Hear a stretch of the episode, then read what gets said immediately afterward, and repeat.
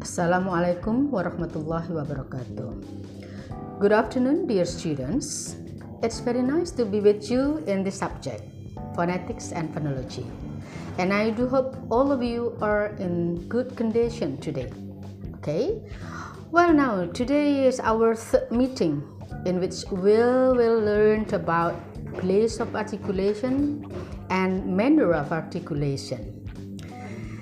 As we learned last meeting about phonetics, which divided into place of articulation and manner of articulation.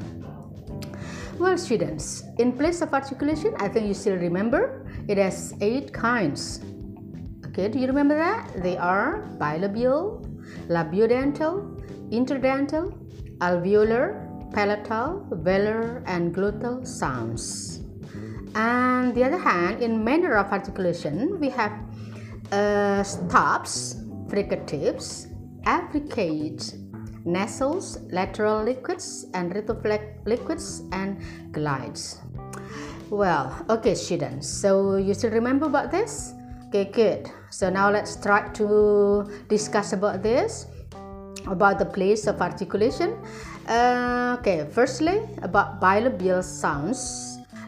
I think you have known or you have already learned about this. Bilabial sounds are made by bringing both lips closer together as the sounds of up, up, um, and w.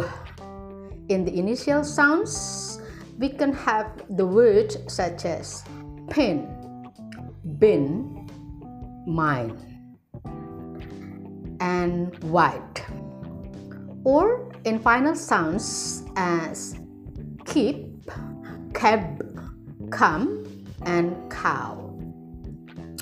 Okay, students, now please try to get other examples. Okay, yes, very good.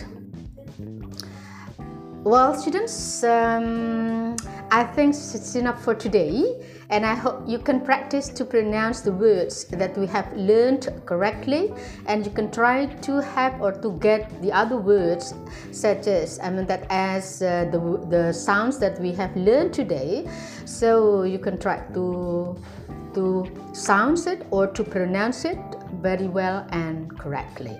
Thank you. So goodbye students and uh, we meet again next week. Okay, thank you and have a nice day. Assalamualaikum warahmatullahi wabarakatuh. Boleh gitu ya?